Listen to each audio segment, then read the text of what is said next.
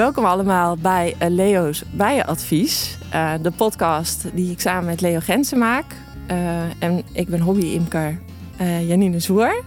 En het is best bijzonder, want we hebben een gast vandaag. Ja, een, een hele bijzondere gast. Ja, nou, het is Arie Krijken. Ja, Arie, welkom hè, van Apis O. Apis bij en O van onderzoek. En uh, ja, Arie ken ik al een, uh, een tijdje. Uh, vanuit de beroepsvereniging is uh, Arie onze adviseur. En ja, daar waren we, of zijn we nog steeds heel blij mee. Ja, en ehm, als ik het goed begrijp, weet jij heel veel van hoe het in Europa, wat er in Europa gebeurt rondom de bijen. Ja. In de politiek, zeg maar. En nou, bijvoorbeeld de kastregistratie, iets wat in de lucht hangt. Tenminste, wat ik een beetje heb gehoord vanuit de vereniging bijvoorbeeld. Van, hey, moeten we nu onze bij gaan oormerken? Hoe zit dat precies? Uh, nou, ik denk dat dat heel interessant is om daar, uh, uh, daar wat meer over te weten. Hoe dat eigenlijk in elkaar zit en wat er nou aan het gebeuren is. Laat ik even dan uitleggen hoe dat dan in Europa precies in elkaar zit. Uh, Europa heeft, uh, wij kennen in Nederland kennen we een landbouworganisatie LTO, die, die kent eigenlijk iedereen wel. En uh, iedere lidstaat in Europa heeft wel één of meerdere landbouworganisaties. En die landbouworganisaties hebben in het verleden, in de 50 jaar al, besloten, 50 jaar van de vorige eeuw uiteraard, besloten om een uh, uh, gezamenlijk front te vormen, zodat ze een sterke positie hebben om te onderhandelen met de Europese Commissie. En dat is de Copa Cogeca geworden, zo heet het. Het zijn allemaal afkortingen van Franse namen, maar het zijn allemaal landbouworganisaties. En die Copa Cogeca die heeft allerlei commissies. Ze hebben een commissie voor varkens, commissies voor koeien, maar ze hebben ook een commissie voor bijen. En die commissie voor bijen, is een keurige Engelse term voor de Working Party on Honey. En eigenlijk kan je zeggen dat die club de speler in het politieke veld is in Europa.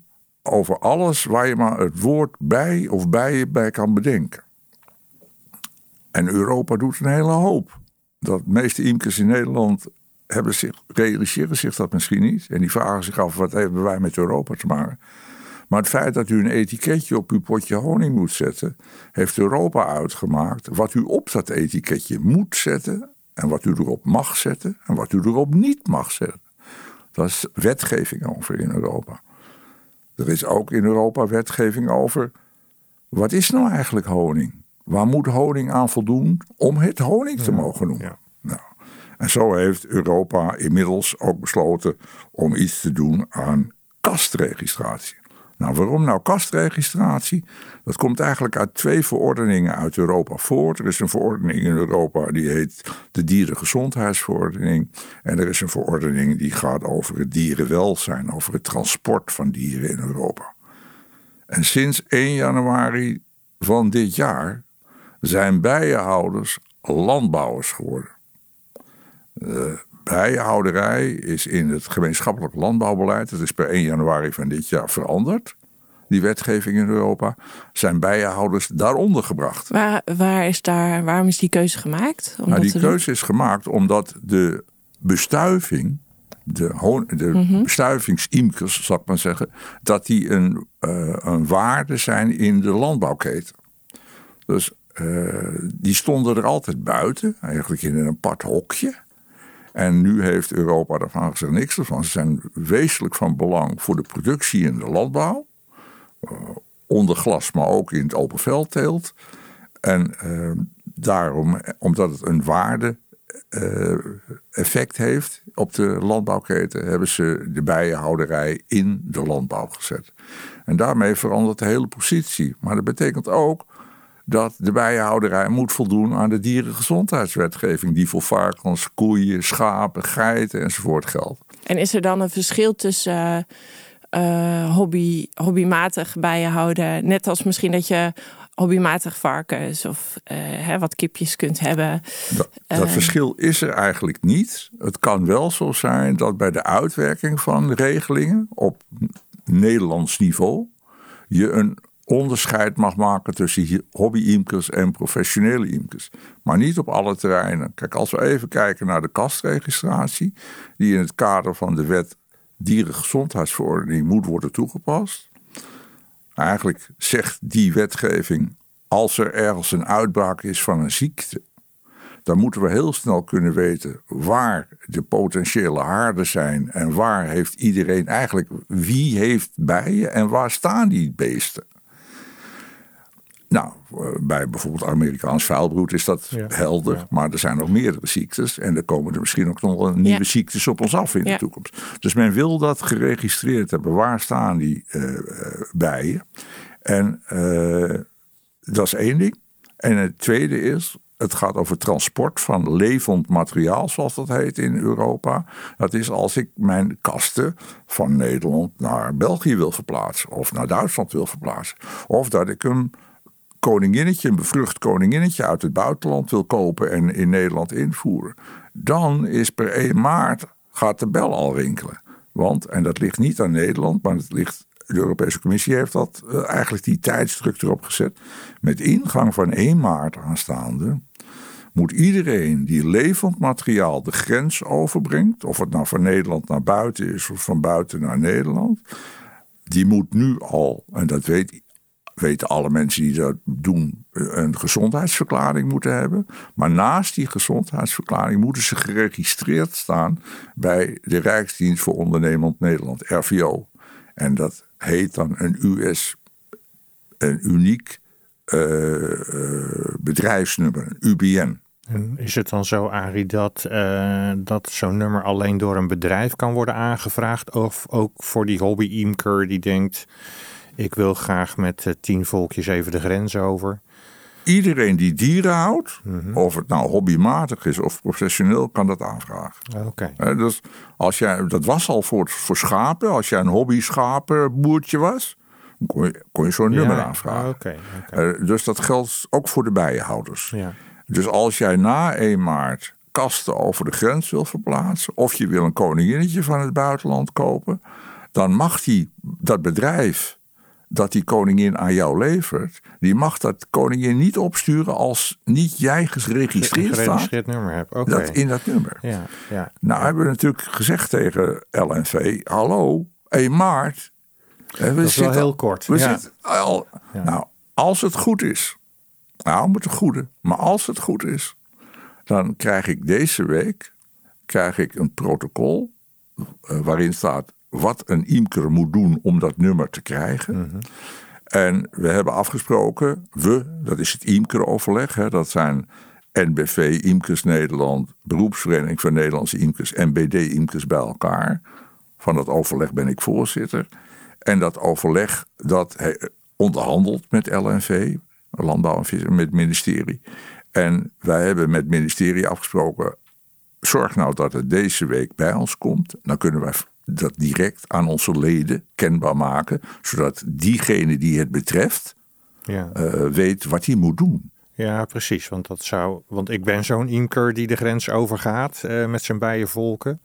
Inderdaad, wat je zegt, gezondheidsverklaring is er één van. Je moet ook, als je naar Duitsland gaat, melding doen bij het ambt, hè, waar je de volken neerzet. Ehm, dus daar komt dit dan nog Dit komt erbij, ja. ja, ja. En dit is een harde voorwaarde. Heb je het niet, kom je de grens niet over. Nee, ik importeer ook koninginnen. Dus dat betekent ook dat ik, nou ja, de koninginnen teler in het uh, buitenland, uh, nou ja, dat nummer moet overhandigen. Ja, zeker. En er is een internationaal systeem, dat heet Traces. Precies, want dat vroeg ik me even af. Daar komt dat nummer in te staan. Ah, dus iedereen in het buitenland kan via een account in Traces zien... Leo bestelt bij mij een koningin. Ja. Uh, is Leo wel ingeschreven. Oké, dus het wordt wel heel handelbaar gemaakt. Ja, hè? ja nee, het wordt, wordt, heel handelbaar en de drempels worden zo laag mogelijk gehouden. Maar je ontkomt er niet aan om dat nummer te hebben. Dus je moet het aanvragen. Ja. Ga dat nou niet vandaag doen. wacht Nee, even. precies, ja, wacht ja, ja, even totdat vanuit het imkeroverleg via de imkerorganisaties alle leden worden geïnformeerd. Ja, en dit geldt voor alle Europese landen. Dit geldt, dit is voor iedereen. Oké, want ik weet dat we met kasregistratie een van de laatste landen zijn. Ja, dan zijn we het slechtste jongetje in de klas. Precies. Ja. Ja. slechtste jongetje in de klas. Misschien hebben we ons zelfs wel tekort gedaan, want Nederland krijgt van Europa subsidie voor onderzoek in de bijenhouderij. Ja. Dat wordt gegeven op basis van het aantal kasten Ja. wat er is. En dat is altijd met de natte vinger berekend. Ik heb daar menig keer aan gewaarschuwd, op gewaarschuwd. Dit moeten jullie niet willen. Maar nu met, het kan wel eens, het is bepaald op, Nederland heeft ooit gezegd, we hebben 70.000 kasten. Ja, Daar is die klopt. subsidie op berekend. Ja. Maar misschien waren het er wel 80.000. Ja. ja, en voor degene die luistert, die subsidie, eh, dat, dat valt onder de zogenaamde honinggelden, hè, die we vanuit Europa kregen, gebaseerd op die aantal eh, kasten. Ja, klopt. En eh, dat werd dan ook nog voor een stukje aangevuld door de Nederlandse overheid. 50, je krijgt een bedrag van Europa en Nederland moet eenzelfde bedrag erbij zetten. Precies, en dat werd aange... En dat totaalbedrag dat wordt gebruikt voor het onderzoek in Nederland. Precies, ja, ik, ik heb een aantal jaren geleden ook bij die gesprekken gezeten. En ik weet dat Nederland het een tijdje lang heeft kunnen, nou ja, tegenhouden, hè, die hele kasregistratie. Maar ik, ik begrijp nu van jou dat we daar gewoon, eh, dat Europa nu zegt, nu is het klaar en nu eh, zijn jullie verplicht dat te doen. Ja. Want anders komt er geen geld. Is dat een beetje de... kastregistratie komt er. Punt. Ja, En LNV heeft dus vorige week met het IMCRO-overleg een eerste inhoudelijk overleg gehad. Dat gaat er niet meer over of kastregistratie er komt, maar hoe gaan we het doen? precies. Ja. En uit het IMCRO-overleg is tegen LNV gezegd, zo eenvoudig mogelijk en uitvoerbaar. Ja, en wordt er ook gekeken naar de landen om ons heen? Want eh, Duitsland, België, daar is, daar, daar is dat Eigenlijk heel Europa doet het behalve precies. Nederland. Juist, ja, ja. De systemen zijn verschillend, want als je naar Vlaanderen kijkt, laten we het even over het Nederlands sprekende deel in België hebben. Als je kijkt hoe de Vlaamse overheid dat geregeld heeft en je kijkt hoe de Duitse overheid dat geregeld heeft, zijn dat twee totaal verschillende regelingen. Dus eh, het is niet zo dat Europa voorgeschreven heeft hoe je het moet doen, alleen dat je het moet doen. Ja. En hoe je het moet doen, dat mag de lidstaat zelf uitmaken. Dus Nederland mag dat zelf invullen hoe ze dat wil. Ja. Nou, als wij, eh, wat, wat ik wel interessant vind, is wat wij als, in de, hè, als imkers, wat hebben wij aan Europa? Hè, want ik hoor al van, oké, er wordt dus geld, hè, subsidie gegeven voor onderzoek. En jij bent, hè, je, be- je bent daarbij betrokken geraakt, sowieso van hè, het eh, Europese, eh, om je daar nou ja, mee te bemoeien, zeg maar, wat er allemaal in gebeurt. Ja. Ehm, wat, ja, wat hebben wij eraan? Nou kijk, het, het eerste wat ik op zo'n vraag altijd zeg is, los van het antwoord op die vraag, Europa bemoeit zich met jou. Of je dat leuk vindt of niet. Europa bemoeit zich met jou. Wat er op jouw etiket van je potje staat, heeft Europa besloten. Eh, die kastregistratie heeft Europa besloten. Dat doen Dus ze. je ontkomt niet aan Je Europa. ontkomt zeg maar. er niet aan, want we hebben met z'n allen afgesproken dat Europa een aantal dingen voor ons doet. Daar hebben we ook economisch, want dat vergeten mensen wel eens. Als Europa er niet zou zijn, zouden we economisch te veel slechter voor staan. Dat is al menig keer aangetoond. Dus Europa levert welstand in Europa, ook in Nederland. Dat hebben we aan Europa. Het, gaat gewoon beter met ons omdat we samen wat doen. Samen sta je sterk, zeggen ze wel eens, en dat is ook zo. Dat geldt ook voor de imkerij. Eh, dus dat betekent, als het gaat over bijvoorbeeld eh, de honingproductie. Europa, daar eh, wordt honing geproduceerd, maar de Europese imkers raken het bijna aan de straatstenen niet kwijt. Want China dumpt allerlei honing in Europa tegen een prijs 1,15 euro de kilo op het ogenblik. Nou, daar kan je als Europese imker Nee, niet tegenop. Nee, dat is onmogelijk. Nee. Dus, en Europa probeert dat te regelen. En daarmee zijn we op dit moment bezig met wetgeving om tegen China te zeggen: je mag wel honing importeren naar Europa, maar dan moet het voldoen aan de standaard die we ook opleggen aan de Europese imkers. Om daardoor oneerlijke concurrentie tegen te gaan. Dat is waar imkers wat aan hebben. Ja. Imkers zijn gebaat bij gezonde bijen. Ja, ik denk dat dat juist de achtergrond is hè, van die hele kasregistratie. Zeker, die, die zeker. bijengezondheid, die welzijn. Eh, want er gebeurt nogal wat als het gaat over bijenziektes. Ja, Hè, nou ja, de Aziatische horen. Nou, we Ja, weten de- inderdaad in Nederland niet wie waar zijn kast heeft staan. En eh, ja, die Aziatische hoornaar die zit al tot in Drenthe. ja. En dus alles onder Drenthe eh, heeft hem al. Maar we krijgen ook de kleine kastkever. Die is Ja, aan het oprukken. la- Ja, die zit nog achter de Alpen, hè? was het laatste hij is al over de is die Alpen. oh, nou, dat Hij is wel al over de eh, Alpen. ja, en ja. het wordt steeds warmer door de klimaatverandering. Dus die kleine kastkever komt Ja, ook. dan moet je als Europa We wel krijgen allerlei virussen ja. deze kant op. Ja, zeker. Ja. Eh, dus als het gaat over gezondheid van bijen, dan is het van het grootste belang dat Europa probeert daar een eenheid in te. één soort bestrijdingssysteem. Want het heeft geen Ja. zin om in Nederland wat te gaan bestrijden als de buren het niet doen. nee. En zoals het onderzoek wat daar, hè, dus die onderzoeksgelden, die worden dus eigenlijk ook binnen Europa verdeeld, zeg maar, aan, eh, afhankelijk van het aantal bijen die er zijn.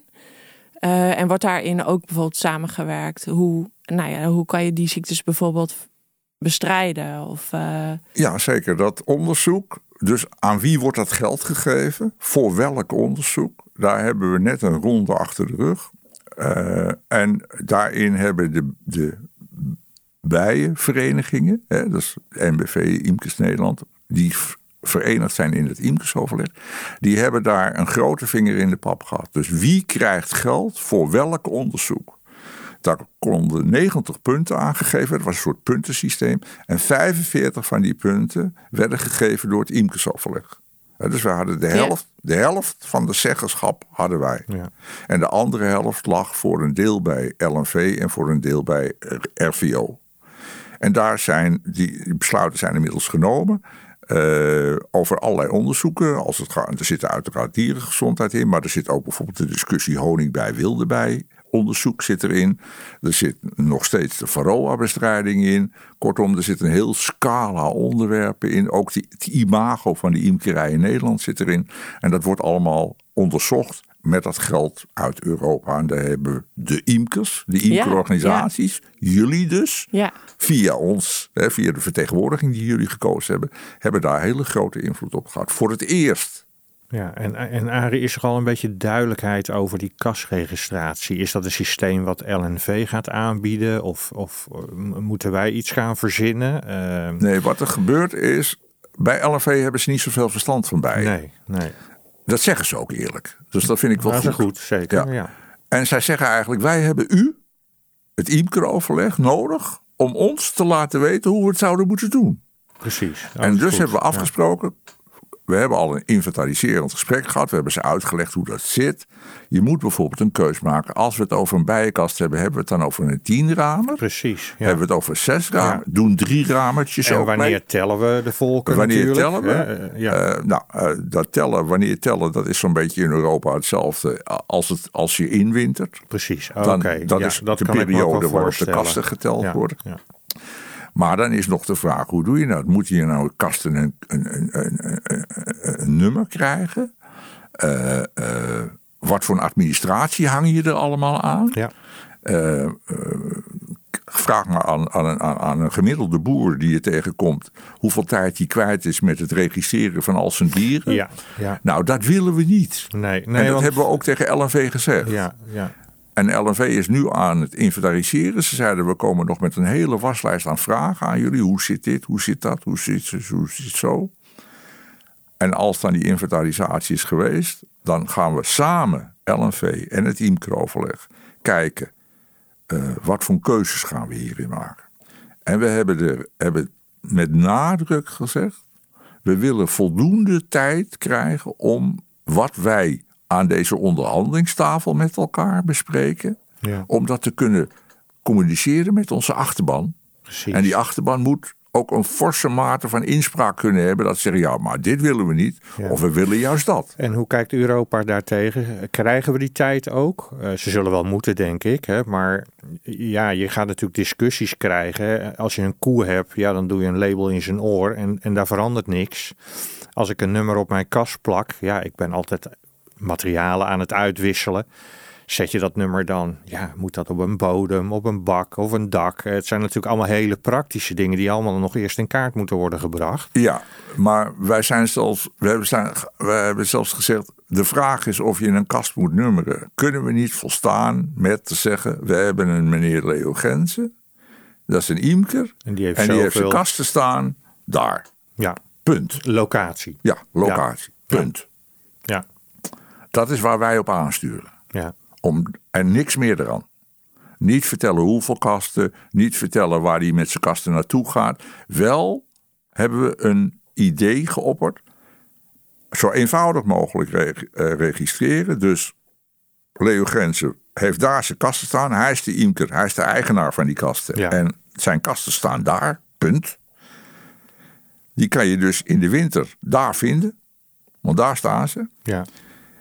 En hij gaat, als hij een bestuivingsteamker is, gaat hij daar misschien mee reizen met die kasten. Dan moet hij zelf een eigen administratie bijhouden. Dat leggen we hem niet op, maar daar dringen we sterk op aan. Dat als hij met zijn kasten gaat reizen, dat hij dan zelf bijhoudt waar gaat hij naartoe met zijn kasten. Wanneer was dat? Hoeveel kasten? Waar hebben die gestaan? Hoe Ja. lang? Zouden we kunnen aansluiten bij het systeem dat Duitsland bijvoorbeeld heeft. Hè? Want ik weet dat als ik nu naar een bepaalde kra- krijs ga, ik, ik noem het even een, deelstaat. Hè, heet Een dat, eh, district Of een district, Ja. precies. En ik sta in dat district en ik wil met diezelfde bijen naar een ander district. Dan moet ik dat ook melden. Hè, Daar is natuurlijk een heel systeem voor ingericht. Eh, wordt door LNV ook gekeken eh, en, en door imkersoverleg naar bestaande Ja, er wordt, we hebben de, de, de, de regelingen van Vlaanderen en van Duitsland, die liggen op het bureau van LNV. Die kijken daar op dit moment naar. Wat, wat lijkt ons het beste? Maar er hangt ook altijd een prijskaartje Ja, aan. dat hè? is het. Hè. Wie gaat dat betalen? Wie gaat en dat wie betalen? gaat dat doen en handhaven? Hè? Want het- Dus nou, handhaven is helder. Dat doet de overheid. ja, Wij, wij hebben gezegd, imkerorganisaties zijn geen dat politieagenten. We gaan Nee, niet lopen nee, handhaven. dat kan niet. Dat moet de overheid doen. precies. Ja. Eh, maar wie gaat dat betalen? Eh, in België hebben ze het systeem tot 24 kasten hoef je niet te betalen. Heb je er meer dan 24 moet je gaan betalen. In Duitsland hebben ze het systeem dat je bedrijfsnummer registreren gratis is. Ja. Eh, dus landen gaan daar ook verschillend mee om. Eh, wij hebben de inzet nu, als het alleen gaat over de eigenaar van de kasten en waar staan die kasten, en dat registreren, dat, is, dat moet gratis zijn. Ja. Dat moeten we niet gaan betalen. Waar we dan vervolgens op uitkomen, weten we nog niet, want dat hebben we nog niet besproken. Nee. En hoeveel tijd gaan we krijgen? Wanneer moeten we. eh, heb je een idee daarover? Nou, in ieder geval dat, dat voorproefje hè, van die, voor die eh, over de grens gaan, dat moet voor 1 maart geregeld zijn. Hè? Ja, ja Dat die, die, die, dat, dat nummer. Dat nummer. Ja. En dat nummer is hetzelfde nummer wat je gebruikt bij een registratie. Ja. Dus dan hebben we al een stukje werk hebben we al gedaan. Maar ik denk dat we toch nog wel een maand of twee, drie bezig zijn. Om dat allemaal Om te dat inventariseren, allemaal- weer ja, in ja, gesprek met, te met zijn uitzondering van die eh, 1 maatregeling. Ja, ja, ja, ja, die ja, moet. ja. Ja. Maar het Ja. andere, dat mogen we nog, gaan we nog wel wat tijd voor Dus nemen. dat zou waarschijnlijk dan praktisch gezien inhouden dat bij het inwinteren, zeg maar weer, dus eind dit jaar, eh, dat we dan. Dan eh, moet de zaak geregeld zijn. Ja, precies. Want dan weet je ook. eh, Ja, ja. Nou ja, we hoeven eigenlijk dus niet eens te vertellen hoeveel volk eh, Ja, je dan ja, inwintert. Ja, ja, Dus eh, eigenlijk alleen maar dat je bij je hebt. ja. Ja, want wordt daar dan ook, eh Arie, aan gekoppeld? Want daar is, er was geloof ik dit jaar een kort berichtje eigenlijk van de NBV over de Varroa bestrijdingsmiddelen en het registreren daarvan als imker. Ehm, is dat ook een voortvloeisel uit dat Europese? Ja, dat is uit de beleid. dierengezondheidsverordening, Ja. waar ook die kastregistratie uitkomt. Dat is daar ook in. Precies. Welke, eh, dat je eigenlijk alleen nog maar eh, geregistreerde diergeneesmiddelen mag verkopen. Ja. Dus het ging over de varroa, over de mierenzuur en de oxaalzuur, hè, die onder andere eh, verkocht werd. Ja. En die eigenlijk door iedereen gedoogd werden. En in ene maakt België in dit geval.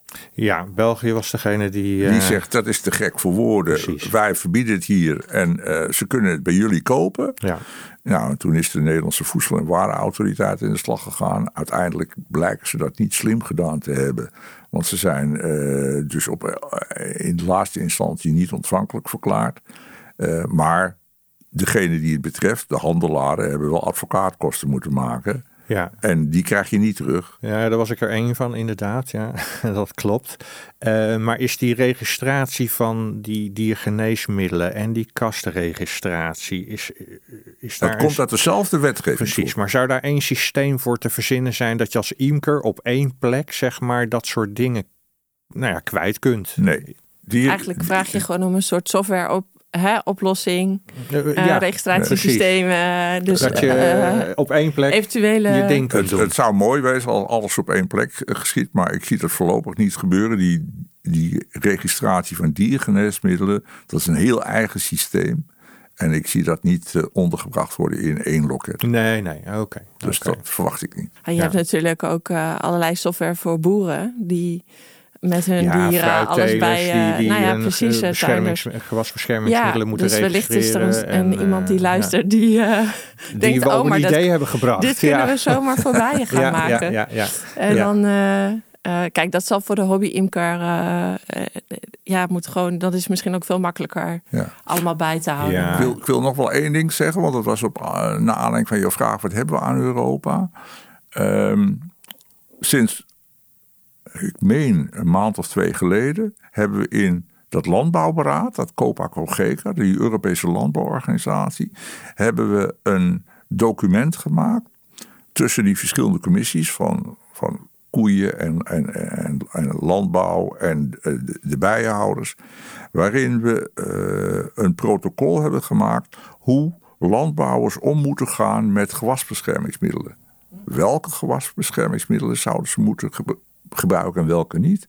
En wanneer ga je die gewasbeschermingsmiddelen op je land aanbrengen? Ga je dat doen bij voorkeur om een uur of elf wanneer de bijen lekker vliegen? Of doe je dat heel vroeg in de ochtend? Nou, we hebben daar een heel systeem voor met elkaar afgesproken. En dat is best heel uniek. Want hier zie je een samenwerking tussen de bijenhouders en de Ja. landbouwers. En Ja. dat is dus alleen maar mogelijk omdat we op dat Europese Ja. niveau bij elkaar zitten. Ja. En daar hebben we afgesproken, dat is inmiddels ook door LTO onder de boeren verspreid. Op, wel, op wat voor manier de boeren moeten omgaan met het hanteren van gewasbeschermingsmiddelen. Welke en wanneer Ja. zet je die uit Zodat op je, je, land. eigenlijk de bestuivers voldoende ruimte geeft. Z- Zodat je zo min mogelijk Ja, last schade, veroorzaakt ja. met die gewasbeschermingsmiddelen aan de bijen. Ja, Ja. Nou, dat vind ik een fantastische uitkomst. En dit, dit is wat je alleen maar voor elkaar kan krijgen op Europees niveau. als je samen aan tafel Als je zit. samen aan tafel zit. En Nederland moet dan ook echt, omdat we nu dan eh, officieel landbouwer zijn, eh, ook echt beleid voor ons gaan maken. Zeker. zeker. Eh, en daar zie ik wel eh, een zonnetje schijnen dan. Ja, in, nee, in dat dat- opzicht eh, Ja. is het niet eens zo verkeerd. Helemaal niet. Helemaal Hè, niet. want ik heb natuurlijk wel, ik, ik spreek natuurlijk veel imkers die zeggen ja.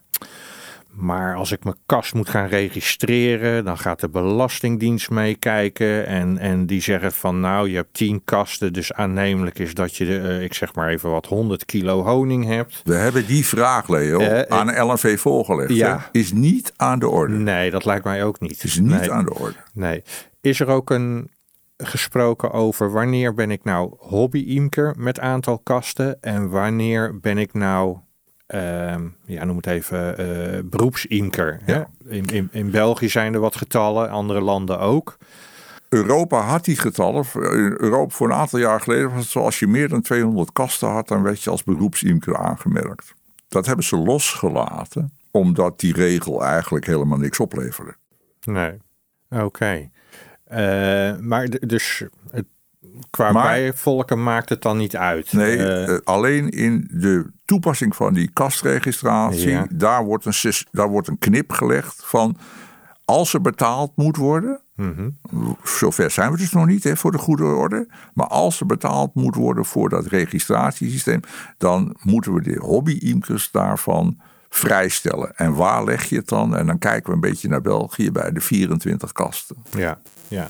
Ik ben ook lid van eh, een Duitse vereniging en daar betaal je gewoon eh, je, je lidmaatschap aan, nou ja, zeg maar aan de landelijke organisatie gebaseerd per kast.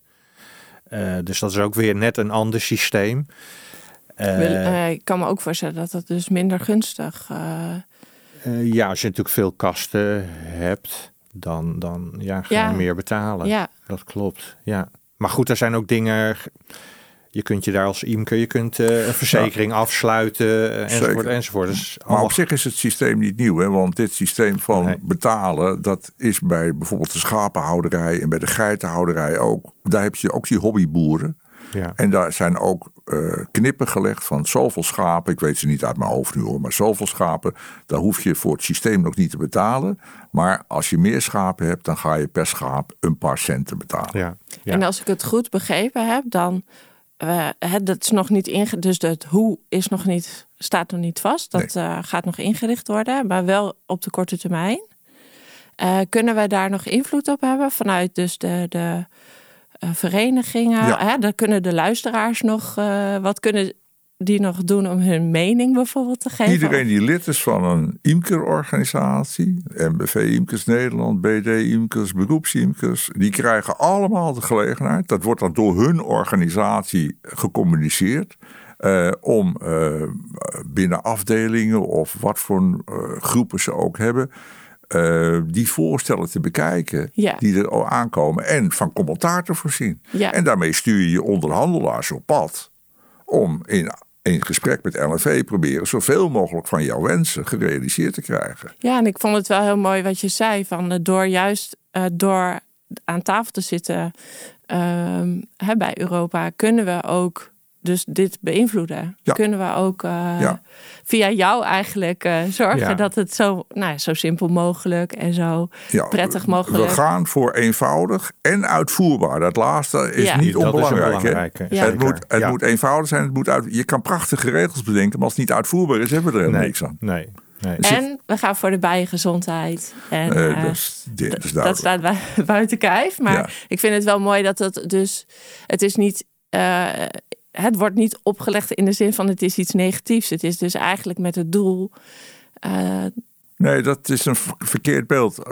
Dat wordt heel vaak over Europa gedacht. Maar het is, we zitten daar niet om elkaar lastig te vallen. We zitten daar om voor elkaar iets te te betekenen. ondersteunen. ja. Ja. En om te Ja. ondersteunen. En hebben wij in Nederland er niks aan, dan hebben misschien de mensen in België er wel wat aan. Klopt. Ja. Maar hebben de Belgen er niks aan, dan hebben wij er misschien wat Ja, aan. precies. Dus het is niet zo dat je altijd maar moet kijken, heb ik overal voordeel van? Maar je moet naar het grote geheel kijken. En de, de uitkomst, ook voor de bijenhouders, is dat dit, dat dit alleen maar positief uitpakt. ja, ja. Ja, nou, mooie dat vind afsluiting. Ik ook. Ja, eh, ja zeker. Ja, ja, ja. Ik, ik wilde aan toevoegen dat ik vind het ook een positieve ontwikkeling. Omdat er dan eindelijk eh, beleid wordt gemaakt. Hè, waar we in de bijenhouderij gewoon wat aan hebben. Want we gaan best met een hoop, eh, nou we gaan best nog wel een hoop problemen op ons af eh, krijgen, denk ik. Zeker. Als we even kijken naar onder andere die bijengezondheid. Nou, die hele biodiversiteit is natuurlijk een hot item. Ja, ja, ja. Hè, we worden nu eh, toch een klein beetje lelijk aangekeken. eh, honing bij, wilde bij. ja. Ehm, en dan is het goed dat daar nu eens eh, eindelijk eh, serieuze stappen ingezet worden. In Europa zijn we ook met het. Want Nederland heeft niet, is niet het enige land met de discussie honing bij wilde bij. Nee, nee. Dat is in, in, in Denemarken, in, in Duitsland, in Frankrijk, in België, Luxemburg, overal aan de orde. Niet zozeer in Oost-Europa, daar speelt het nog niet, maar in West-Europa speelt dat zeker. Ja. En eh, ook daar zijn we nu bezig in het voorjaarsoverleg, wat eh, meestal in april komt, komt er een document uit voor alle, waarin we proberen de Europese Commissie zover te krijgen dat ze regels gaat bedenken en dat het, de, wildgroei die er nu is, hè, één politieke partij roept foei en schande Ja. en, de, en de bijhouders worden in de hoek gezet Klopt, ja. zonder dat er ook maar enige wetenschappelijke onderbouwing aan ten pas komt. Nee. En wij proberen dus ook op dat terrein in Europa het voor de bijenhouders op te nemen. ja. En ook Ja, daarin. en uiteindelijk denk ik ook eh, dat iedereen met de biodiversiteit dat wel voor ogen heeft. Dus dat, het, eh, dat we allemaal belangrijk vinden dat het goed gaat met de natuur. Nee, tuurlijk. Ja. Wie, wie, wie, zegt, wie is daar nou op Ja, tegen? hè? precies. Maar Dus- ik, ik vind het te kort door de bocht in de discussies. Kijk, het echte probleem is niet de honingbij. Het echte probleem is, is het gebrek aan voedsel. Precies. Ja. ja. En hoe komt dat? Omdat, we, omdat allerlei groeperingen in de landen de biodiversiteit nooit serieus hebben genomen. Nee. En dat hebben afgebroken. Wat dat betreft is het mooi dat we dus onder landbouw vallen. Zeker. Ja. zeker, zeker, Ja. zeker. Zeker. Nou, eh, heel erg bedankt. Ehm, het is denk ik heel leuk, want we gaan nog... ja, jij kan zo goed vertellen. Dus we gaan nog een, eh, een andere podcast eh, opnemen... waarin jij te gast bent. En dan gaan we eigenlijk nog weer door op honing... en wat, hoe dat precies zit met de honing. Precies, want daar Valse is ook nog wel wat over te doen. Ja. Ik denk, ja. wat is dat eigenlijk? Dat, ik dat wist ik helemaal niet.